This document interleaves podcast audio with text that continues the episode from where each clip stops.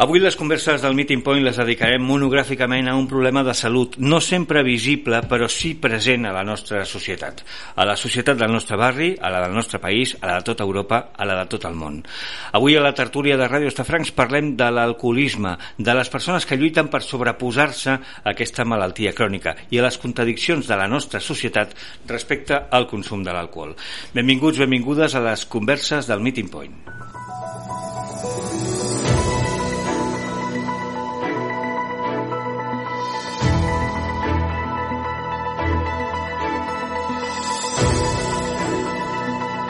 Converses del Meeting Point a Ràdio Estafrancs.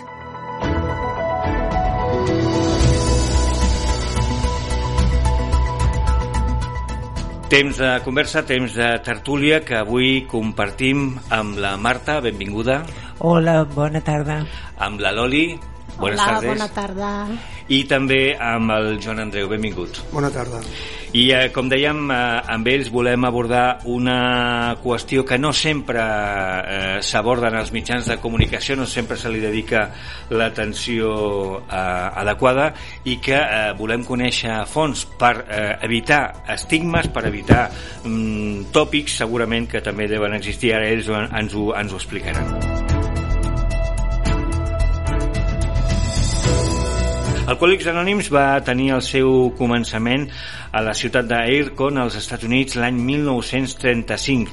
Eh, el cas inicial va ser el d'un home de negocis de Nova York que havia aconseguit estar sense veure per primera vegada des d'haver-ho intentat en diverses ocasions i durant diversos anys. Va buscar un altre alcohòlic per compartir amb ell aquestes experiències en un esforç per superar un mal moment que estava travessant i que temia que el portés a una recaiguda. A partir d'aquí van néixer les comunitats d'alcohòlics anònims que a Espanya van trigar una vintena d'anys a venir, estem parlant dels Estats Units 1935, aquí la primera sol·licitud d'informació que fa un doctor eh, des de Madrid eh, està documentada de l'any 1955 i és eh, en aquells anys, en a mitjans dels anys 50, quan comencen a aparèixer grups a les ciutats de Màlaga, Valladolid, aquí a Barcelona, Renteria, Les Palmes, a Tenerife, entre altres, entre altres llocs.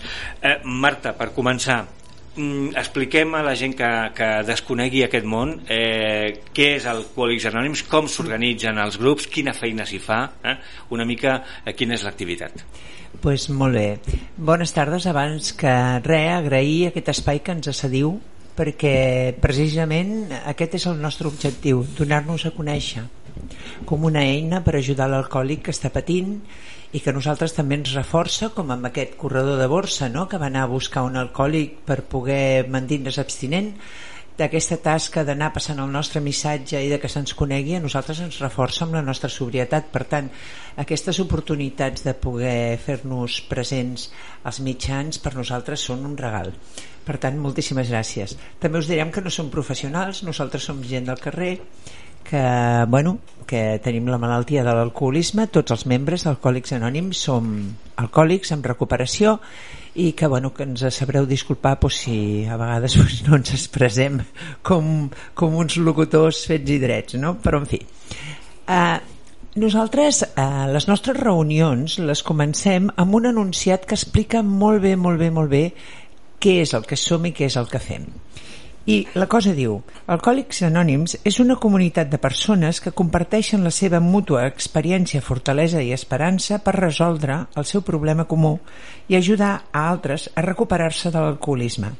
L'únic requisit per ser membre d'Alcohòlics Anònims és voler deixar de beure. Això és importantíssim, perquè ni siquiera se'ls demana ni se'ls diu que han de deixar de beure, que tenen que estar sobris, sinó el desig de deixar de beure és motiu més que suficient per ser membre de la comunitat.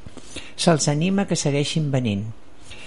Per ser membre d'Alcohòlics Anònims no es paguen eh, drets d'admissió, ens mantenim amb les nostres pròpies contribucions voluntàries, les nostres aportacions. Ens autoabastim, no, no desitgem tampoc subvencions de cap mena i bueno, som una comunitat sense ànim de lucre, austera, però anem fent. Els alcohòlics anònims no estan afiliats a ninguna secta, religió, partit polític, organització ni institució. No entrem en controvèrsies, no respaldem ni ens oposem a cap causa.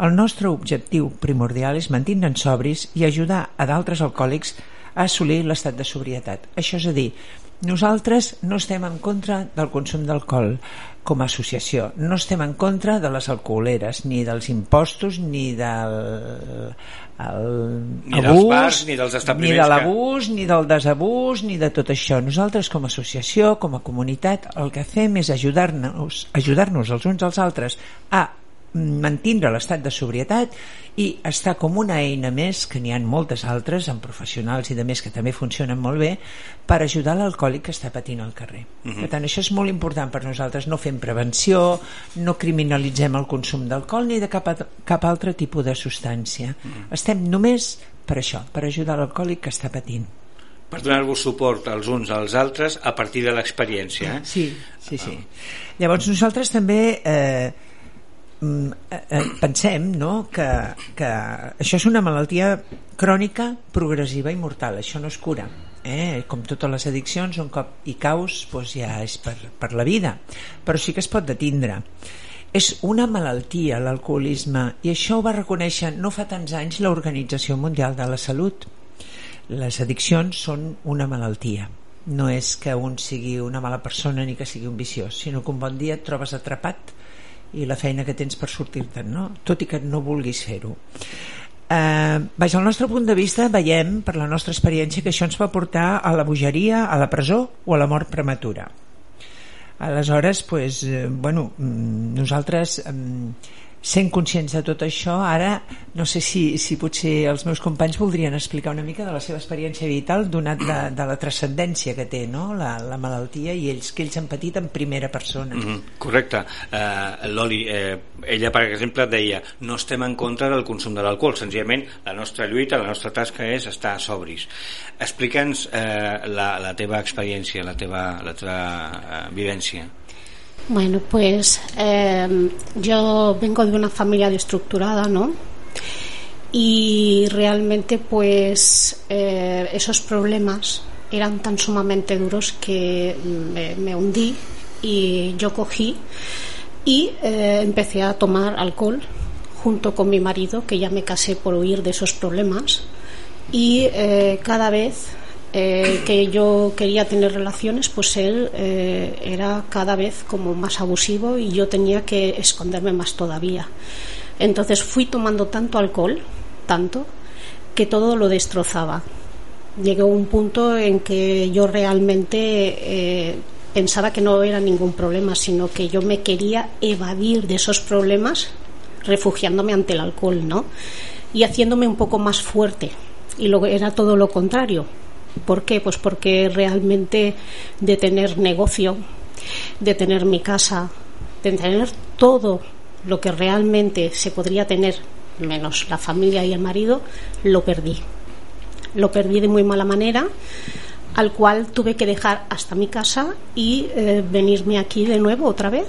Y ahí fue cuando empecé más a beber, perdí hasta el matrimonio y realmente, pues mi problema fue que tuve que coger un trabajo que no me gustaba para nada, odiaba, salían todos mis defectos de carácter, salía todo lo malo de mí, eh, no recordaba nada, perdía la memoria, tenía tantos temblores que yo no podía servir ni un café en la mesa, que realmente eh, todo lo que hacía era encerrarme en una habitación y llorar.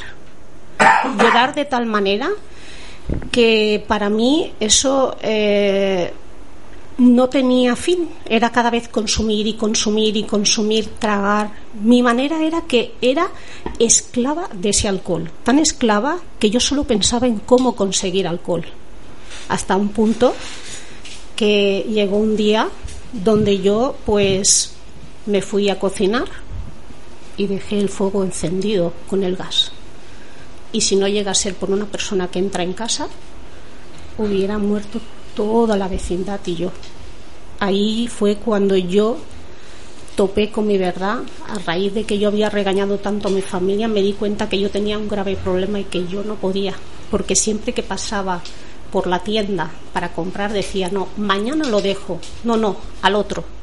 Y ahí me di cuenta que yo tuve que dejar esto. Entonces fue cuando eh, una amiga me dijo que existía Alcohólicos Anónimos y donde yo llamé y el día siguiente me presenté, fui y no las tenía todas conmigo, pero ahí sí fue cuando realmente me di cuenta que era mi sitio, donde me sentía identificada, aceptada, con cariño, con ternura, donde me decían que lo mío era una enfermedad, al cual para mí fue un alivio.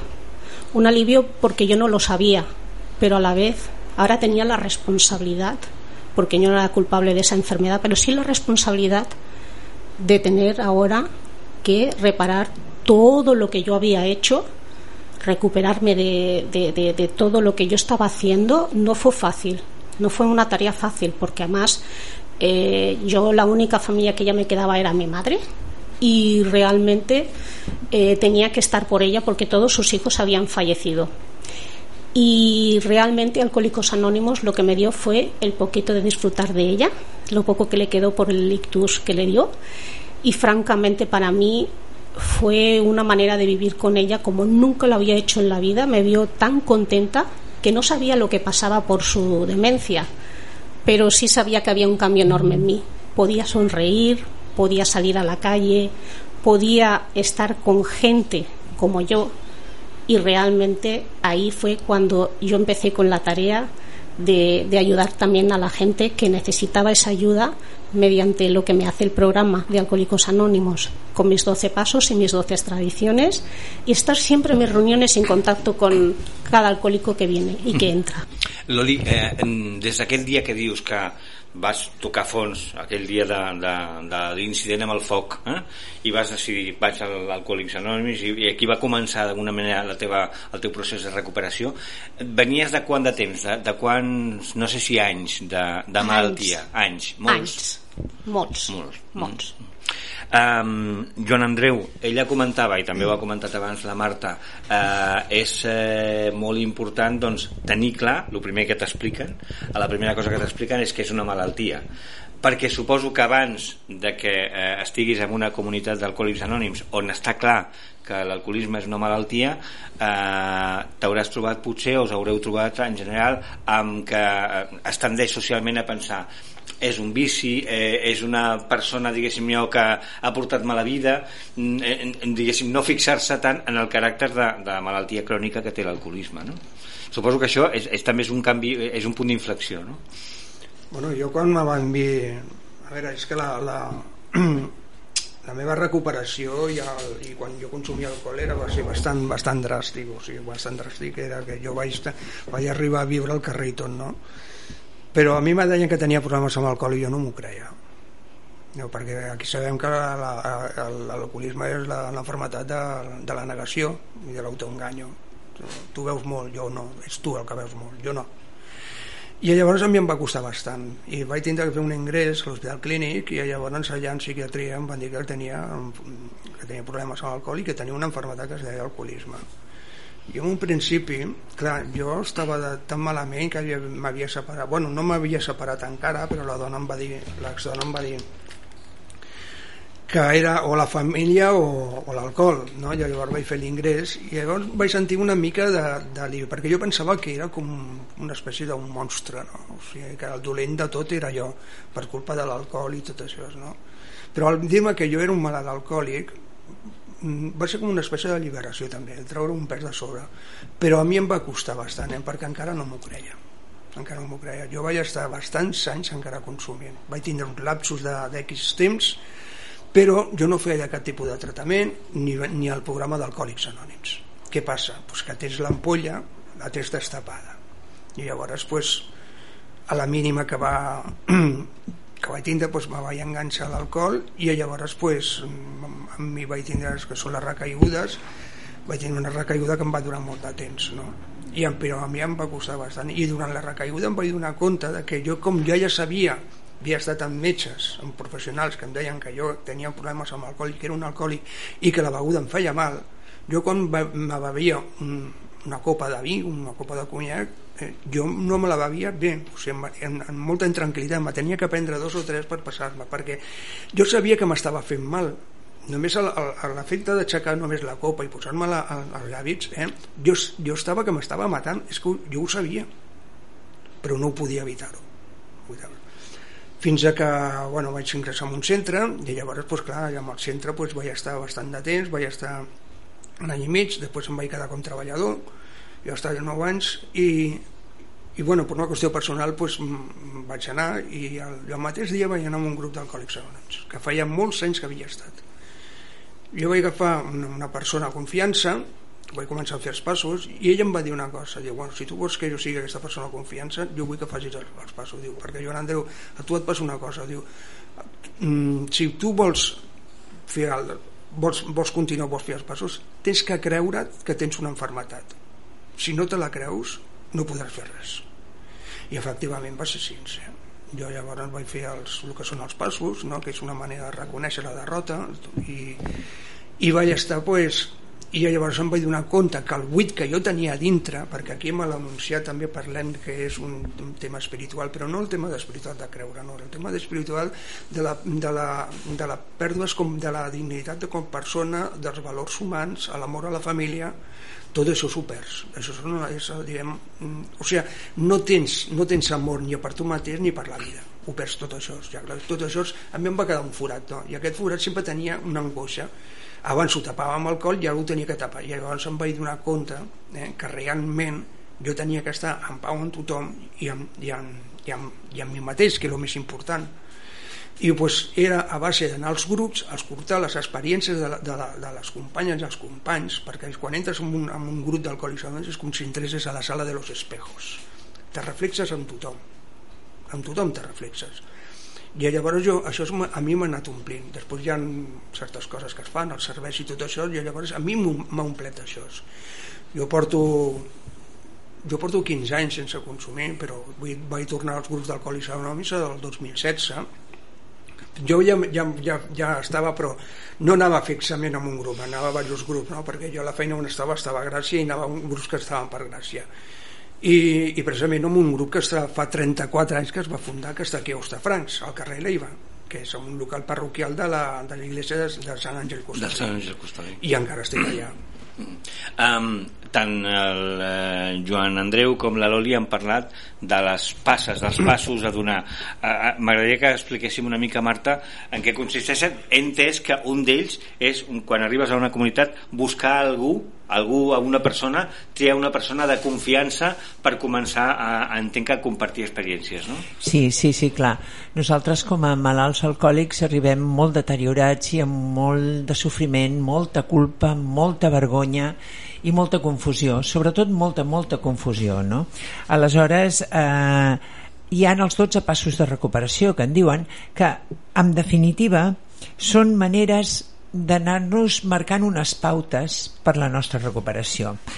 El primer imprescindible és l'admissió de que això és una malaltia perquè clar, si no, com deia el Joan Andreu si això no ho admitim, malament rai. Vull dir, sempre tenim una, una bala en la recàmera no? sempre tenim el, bueno, mira però potser no n'hi ha per tant, bueno, mira però tot això, gràcies a Déu, els que estem aquí ja hem patit lo suficient per caure baixar els braços, nosaltres d'alguna manera diem que nosaltres ens rendim davant d'això, deixem de lluitar amb l'alcohol.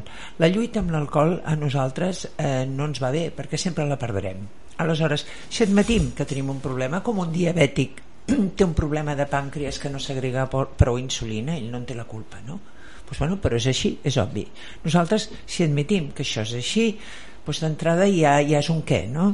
Aleshores també tenim que tindre la capacitat, que també en els nostres passos ens ha ensenyat, de demanar ajut perquè, clar, eh, molts de nosaltres en, eh, hem tingut gent que ens ha volgut ajudar al nostre voltant a la nostra carrera alcohòlica, familiars, amics, eh, professionals inclús, no? però no, no estàvem en condicions de rebre ajut perquè estàvem dintre d'aquesta mena de, de, de, de, com els hàmsters, no? la nòria, venga, venga, venga, de l'obsessió. No? Llavors, el ser capaç de rendir-se davant de que això és una malaltia, ni siquiera jo en tinc la culpa, Jo potser un dia vaig escollir aixecar una copa, però jo no vaig escollir ser alcohòlica. Jo no volia arribar on vaig arribar. Aleshores, admetre que això és una malaltia i admetre que jo sol no puc, perquè no puc, perquè ja he fet totes les proves del món i no hi ha manera, em porta a deixar-me ajudar deixar-me ajudar doncs, per a una persona que tu pots agafar de referent i sobretot per les experiències del reste de companys del grup quan estem en condicions comencem a mirar una mica endintre i a donar-nos compte quins comportaments tenim equivocats que ens han estat fent mal, que nosaltres els diem defectes de caràcter, però que són donats a carències que hem tingut, familiars, personals, o vés a saber, no? quines coses fem nosaltres que ens, que ens estan perjudicant no? mirar cap endintre i mirar de cuidar-nos i de conèixer-nos i, i, i intentar doncs, bueno, frenar aquestes actituds autodestructives no? sobretot la, la fúria el ressentiment el victimisme l'egocentrisme. Clar, mm, la gent madura eh, quan els nanos adolescents maduraven jo bevia.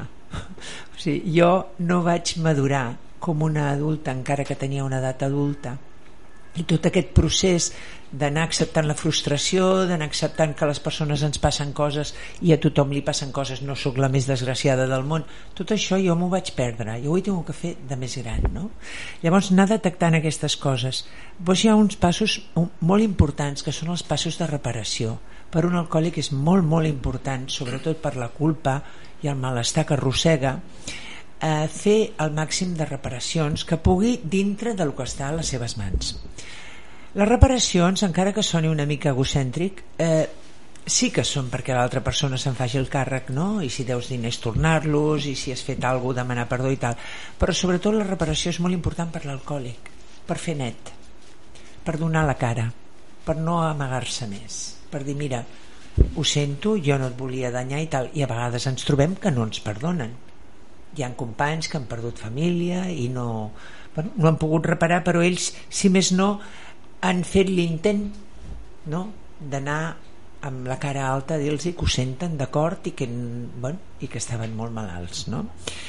després eh, a l'últim pas ens parla de que un cop ja tenim bastant clar tot això de que ens hem de deixar d'ajudar de que ens hem de conèixer nosaltres mateixos eh, nosaltres parlem de que és un programa espiritual perquè eh, inclús, clar, els nostres fundadors eren cristians evangèlics. Aleshores el Bill i el Bob eren cristians evangèlics. Llavors a la nostra literatura el tema de poder superior, Dios i tal és, és molt present tot i que també els nord-americans, eh, els americans, els llatins i de més l'anomenen molt, no tenen el president dels Estats Units jura per, per Déu la bandera, vull dir, mm. no, no se'ls hi cauen les, les d'allò, per ells és bastant natural això. Molts de nosaltres no som creients a l'ús, però sí que entenem que això és un programa espiritual, com deia el Joan Andreu, perquè és un programa amb valors, no? en què ens fa ser intentem ser millors persones no?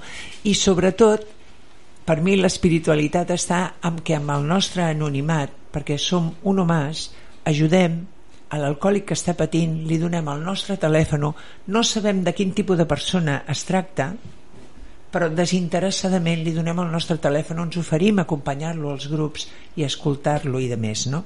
Aquest és el nostre 12 pas. Després tenim unes tradicions que són unes pautes de, de, de conducta i de comportament envers el nostre entorn que bàsicament bàsicament són la tercera que és la que l'únic requisit és no voler, deix no voler mm, o sigui, voler deixar de veure l'únic requisit. N'hi ha una altra que és la de que no acceptem subvencions ni diners de fora. N'hi ha una altra que també diu que nosaltres no entrem en cap assumpte que no sigui el de l'Alcohòlics Anònims i ajudar i passar el missatge no, no hi ha amos, no hi ha jefes som, eh, hi ha persones. Ara nosaltres tres estem fent un servei estem passant el missatge, estem fent una informació eh? Una, una qüestió que jo plantejava al començament, a la introducció a aquest programa, parlava de les contradiccions de la nostra societat respecte al consum de, de, de l'alcohol, perquè és veritat que eh, l'alcohol, el vi, eh, tradicionalment, especialment aquí en la cultura mediterrània, forma part de la nostra cultura gastronòmica, de la nostra cultura en general, eh, és socialment doncs, eh, ben vist, eh? Eh, i més enllà de, de, del vi acompanyant els àpats per entendre nens, també està ben vist, hi ha un alt nivell de tolerància respecte al consum d'alcohol, consum s'entén que moderat d'alcohol, eh, a, a l'hora de, de l'esbarjo, a l'hora de, de, de, de sortir de copes, eh, de, de, fer, de fer una mica de, de festa.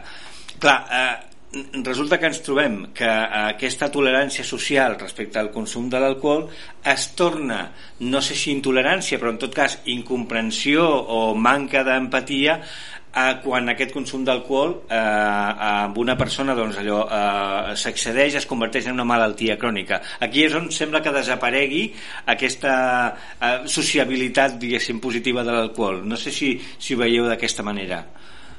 Qualsevol de vosaltres. Bueno, eh, jo penso que nosaltres, els tres que estem aquí, som responsables de transmetre que nosaltres som unes bones eines per trencar l'estigma.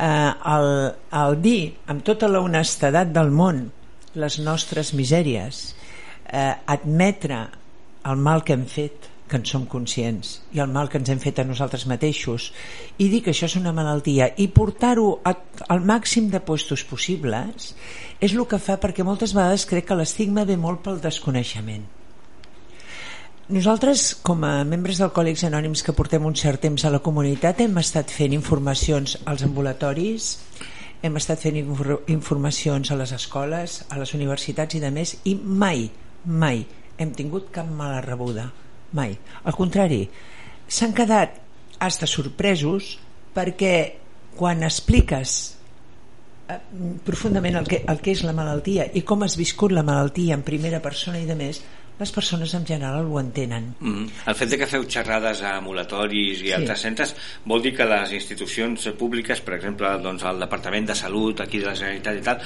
us obren les portes perquè feu aquesta difusió del vostre sí. missatge? Nosaltres tenim un, un servei que és el d'informació pública que eh, contacta amb el màxim d'estaments de, de, possibles anem a presons, anem a cambrians perquè hi han persones tancades a les presons amb problemes d'alcoholisme anem al psiquiàtric de Can Ruti anem, o sigui, anem a puestos d'aquests també no? i tot això és a base de donar-nos a conèixer explicar realment què és el que fem sense, sense embuts i sense històries explicar què és l'anonimat no? perquè som anònims perquè lo important no és ni la meva cara ni el meu nom sinó el missatge que jo transmeto això a nosaltres ens fa molt de bé perquè ens mantén l'egocentrisme al seu puesto perquè si algú de nosaltres fos el president o fos i aliera su cara allí doncs a lo millor es pensaria doncs, que és més, més espavilat que els altres i voldria tindre doncs, no sé, aquest desig estrany de prestigi de, no? de, de personalisme i de més nosaltres el fet de ser tots junts el fet de sentir-nos tots a la mateixa alçada ens ajuda moltíssim ens ajuda moltíssim i aleshores doncs, contactem amb tots els puestos que ens volen escoltar uh -huh. el cinema la televisió, és a dir, l'aparició de comunitats d'alcohòlics anònims en la ficció, tal com acostuma a donar-se, eh, us ajuda eh, o manega tòpics que convindria corregir? Bueno, mentre soni el nom d'Alcohòlics Anònims jo penso, mira, l'altre dia hi havia una noia que tenia vam celebrar el 10 de juny i hi havia una noia que era el primer any una noia molt joveneta que tenia 19 o 20 anys que ens van posar tots molt contents perquè quan arriba algú tan jove pensem mare de Déu el que s'estalviarà de sofriment no? perquè quasi tots arribem grans. Aquesta noia ens va conèixer a través d'una sèrie que es diu MOM uh -huh. que és una sèrie que fan una sèrie. Sí i diu que l'està... jo em vaig quedar flipant. Diu, estava mirant la sèrie i va veure que la mare i la filla van a Alcohòlics Anònims i ella va pensar potser que jo tinc un problema amb l'alcohol. I va trucar al nostre telèfon. Tenim... això és important el nostre telèfon sí, sí, sí, no, us volia demanar, web... a, a, a, us, us volia demanar fes-ho ara si vols eh, informació útil, és a dir, a quin telèfon es poden adreçar a quina pàgina web troben informació sí, diguem el nostre telèfon és molt fàcil és el 93 317 77 77 i la pàgina web és eh, www.alcoholicosanónimos.org també tenim que a mi em fa molta il·lusió també poder-ho dir una comunitat eh, podríem dir germana que és la de familiars d'alcohòlics perquè por donde passa un alcohólico no vuelve a crecer la hierba i la família acaben dels nervis i acaben triturats mm -hmm. i aleshores eh, nosaltres amb totes les nostres eh, intervencions també els anomenem aquesta comunitat es diu Al-Anon Al d'Alcohòlic Anon d'Anònimos també treballen programes de 12 passos com nosaltres. Però els usuaris d'aquestes comunitats són familiars, familiars de, de malalts d'alcoholisme. Per cuidar-se ells. Familiars o amics. Mm. Familiars I fan la, amics. més o menys fan la mateixa sí. dinàmica, és a dir, es donen suport entre ells sí, i... Sí, sí, sí. Llavors, ells, eh, aquesta, aquests companys eh, tenen un... Es, bueno, aquí tinc el mòbil, tenen un telèfon 650 16 18 17 molt bé, repassem-ho. El telèfon d'Alcohòlics Anònims aquí a Barcelona és molt fàcil de recordar, 93 317 77 77, 317 77 77. La pàgina web eh, oficial és alcoholicosanónimos.org i després hi ha aquesta comunitat paral·lela de familiars de, de malalts d'alcoholisme, a l'ANON, que té un, un telèfon mòbil com a referència, que és el 650 16 18 17. 650 16 18 17. Um, la feina d'Alcohòlics Anònims eh, està pre pregunto, eh, penseu que està prou ben considerada en la societat eh, que sí que ho està però que és poc coneguda què penseu? Joan Andreu Bueno, jo volia dir, digues, digues. volia dir una cosa, tu que has dit la sèrie, la pel·lícula i tal, sí. hi ha una pel·lícula que ho resumeix tot i molt clar, molt clar, és una pel·lícula que té anys. Acosta't una mica més al micròfon. que la va fer el Jack Lemmon, que ah. es diu Dia de Vinos i Roses. Sí. I és molt bona pel·lícula i parla molt d'alcohòlics anònims, parla mm. el que és l'alcoholisme i parla la destrucció d'una persona com per culpa de l'alcohol. Eh? Mm. I jo la recomano aquesta pel·lícula que és molt bona. Mm. Eh, hi, hi ha algun, hi ha algun eh, estigma, algun tòpic que encara que sigui per accident i per desconeixement s'hagi difós eh, socialment a través d'alguna altra pel·lícula no tan correcta com aquesta o de, o, de, o de la televisió que considereu que cal corregir? Bueno, jo què sé, la ficció és la ficció, sí, no? Sí. Però ara, si, si et sembla, probablement, sí. amb el que llegirà la meva companya, -huh. hi han coses que potser ho aclareixen, que és el que Alcohòlics Anònims no fa. Bueno, las cosas que Alcoholics Anonymous no fa es no trata de reclutar ningún miembro ni de persuadirlo ni de ni de nadie de, que se una a la comunidad. No mantiene ningún archivo de historias clínicos. No toma parte en investigaciones ni patrocina ni las patrocina. No hace seguimiento de sus miembros ni les vigila para comprar ni para comprobar lo que deben hacer ni nada de por el estilo Alcohólicos Anónimos ayuda nada más a sí mismo, a él. Y les ofrece, no les ofrece servicios religiosos, no ofrece ninguna asistencia social. Luego también no, no proporciona alojamiento, ni comida, ni dinero, ni nada para que ellos luego eh, vayan haciendo. Pero también es una cosa que es para que se mantengan sobrios para que puedan conseguir las cosas por sí mismos. No acepta dinero de fuentes ajenas, ni públicas ni privadas. No proporciona ni certificaciones, ni cartas, ni recomendaciones, ni órganos penitenciarios de libertad condicional, autoridades judiciales, empresas, instituciones sociales. Mm, queda una feina donar-se suport mútuament i que al marge i en paral·lel ha d'anar el suport mèdic del Servei Públic de Salut eh, i altres qüestions, el suport social per la persona que ho necessiti, etc etc. Sí. Ja, entenc que aquest aclariment és perquè en algun cas hi ha algú, pregunto, que potser confós espera d'Alcohòlics Anònims aquestes coses que, que ha explicat la Loli que no es fan? Bueno, a vegades el nostre telèfon que tenim a la centraleta, doncs clar, per desconeixement les persones truquen i es pensen que a lo millor tenim algun centre de desintoxicació intoxicació o que potser els hi podem proporcionar algun tipus de documentació perquè si els hi ha parat la policia que estaven beguts perquè els hi fagin menys pena o els, els, la condemna sigui més baixa mm. tot això nosaltres no ho fem mm. no perseguim borratxos pels bars eh, nosaltres eh, ens coneixem i si alguna vegada algun company o companya doncs, deixa de vindre a les reunions que fem amb sales. Normalment les reunions, això també ho voldríem aclarir perquè pot, pot donar una imatge una mica estranya. Mm, amb els nostres directoris les reunions les fem amb esglésies catòliques esglésies evangèliques centres cívics i postos d'aquest tipus. Per què? No perquè siguem eh, persones de religió, sinó perquè els lloguers d'aquests locals són molt més baratos que, que si anem pues, en un local particular mhm. -huh. eh? i llavors es dona, es dona això no? de que quan un veu que la majoria dels grups d'alcohòlics anònims estem amb esglésies o catòliques o, o cristianes, evangèliques i de més no? Aleshores, mm, això, això ho aclareixo perquè per trencar també una mica la cosa de dir que som una mica, perquè també s'ha sentit, no? és que són una secta esta gent, aquestes coses, no? Però jo crec que és el desconeixement. Eh, mm. Quan un company deixa de vindre o una companya deixa de vindre ens preocupa perquè penses, clar, perquè bueno, no? eh, ens, ens, ens parlem, ens, ens desfoguem, ens expliquem i de més, però no feu jo seguiment, puc, no? Jo el puc no trucar i preguntar-li, hola, com te trobes? Què t'ha passat, que estàs malalt? Perquè, clar, jo, aquesta persona pot estar malalta.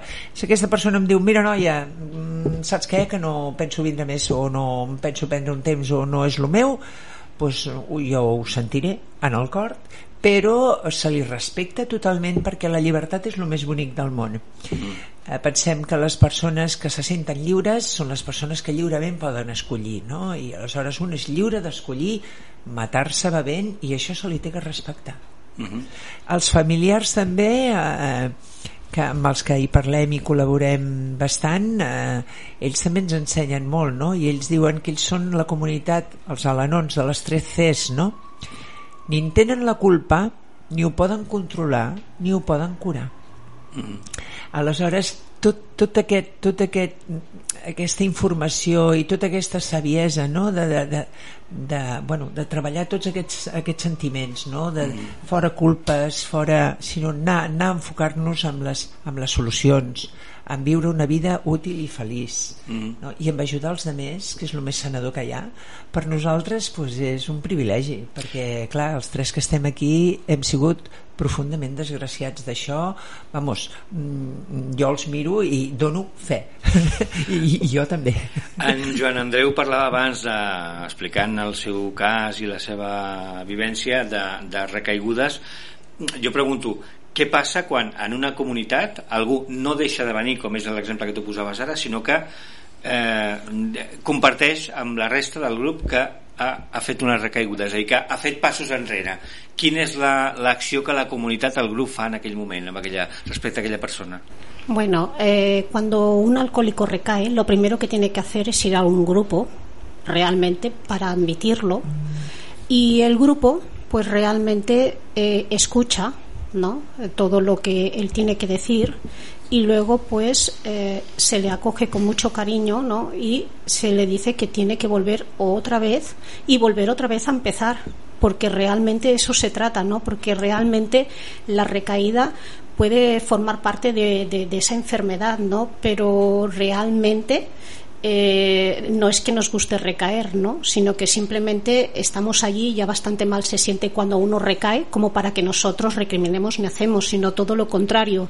Damos la opción a que se sienta con nosotros y que realmente comparta eh, qué le llevó y qué hizo y para que así los que estamos allí también aprendemos, ¿no? Porque eh, ¿qué ocurre? Que si yo voy a una reunión no es solamente para escuchar solo las cosas buenas, sino también las malas para prevenirlas. Mm -hmm.